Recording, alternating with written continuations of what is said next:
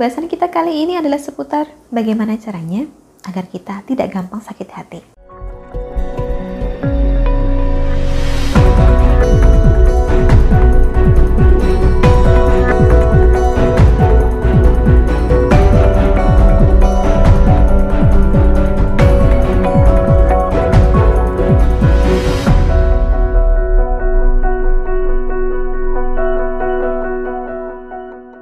Salam Rahayu, dengan Dewi Sundari di sini.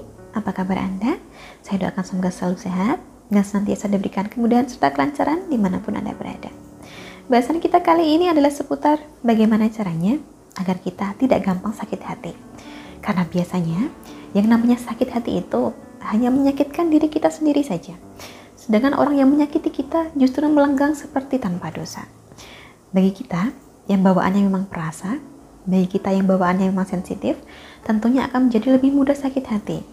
Karena apa-apa terbawa ke perasaan, apa-apa kepikiran, dan menjadikan tidak tenang. Dan bagi Anda para perasa yang tidak ingin gampang sakit hati, ada baiknya Anda simak beberapa cara berikut ini.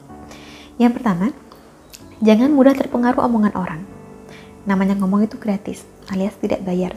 Jadi semua orang bisa. Tidak semua omongan perlu untuk Anda dengarkan. Awalnya mungkin memang sulit, tetapi bila Anda tidak ingin gampang sakit hati, tidak ingin gampang disakiti, maka inilah langkah pertama yang mesti kita tempuh, yaitu membiasakan diri untuk tidak terlalu mudah terpengaruh omongan orang. Kemudian langkah kedua, apa pun itu yang mengganggu pikiran Anda, anggaplah angin lalu saja. Anda yang berjiwa sensitif pasti cenderung memikirkan sesuatu secara berlebihan. Apa-apa kepikiran, mau tidur saja, semua pasti akan teringat lagi Bila Anda ingin lebih bahagia dalam hidup, kebiasaan semacam ini juga perlu Anda hentikan. Langkah ketiga, belajarlah untuk menjadi lebih sabar. Sebab suatu hal atau kejadian yang biasa bagi orang lain bisa jadi akan terasa luar biasa bagi Anda yang memang perasaannya sensitif. Untuk itu, bekalilah diri Anda dengan perasaan sabar yang sebesar-besarnya. Kesabaran itulah yang nantinya akan membuat Anda lebih tenang dan menjauhkan Anda dari sakit hati. Yang keempat, kelola dan kendalikanlah perasaan Anda menjadi sesuatu yang lebih bermanfaat.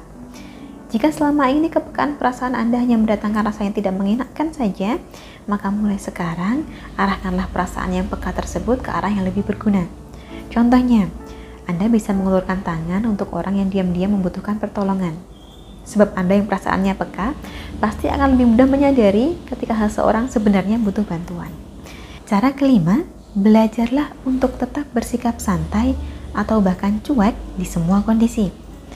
Apa yang menurut logika Anda benar, ya itulah yang bernilai benar.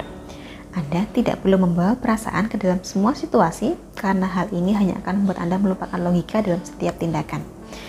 Bila selama ini Anda sering tidak dilibatkan, jarang diajak bercanda karena dianggap mudah tersinggung, maka inilah cara paling mudah untuk mengubah pandangan tersebut, yaitu dengan belajar cuek. Terakhir, alias cara keenam, biasakanlah untuk selalu berpikir positif. Seringkali, rasa sakit hati muncul karena adanya energi negatif yang mengelilingi hati dan pikiran kita. Sehingga semua yang terjadi terasa tidak mengenakan.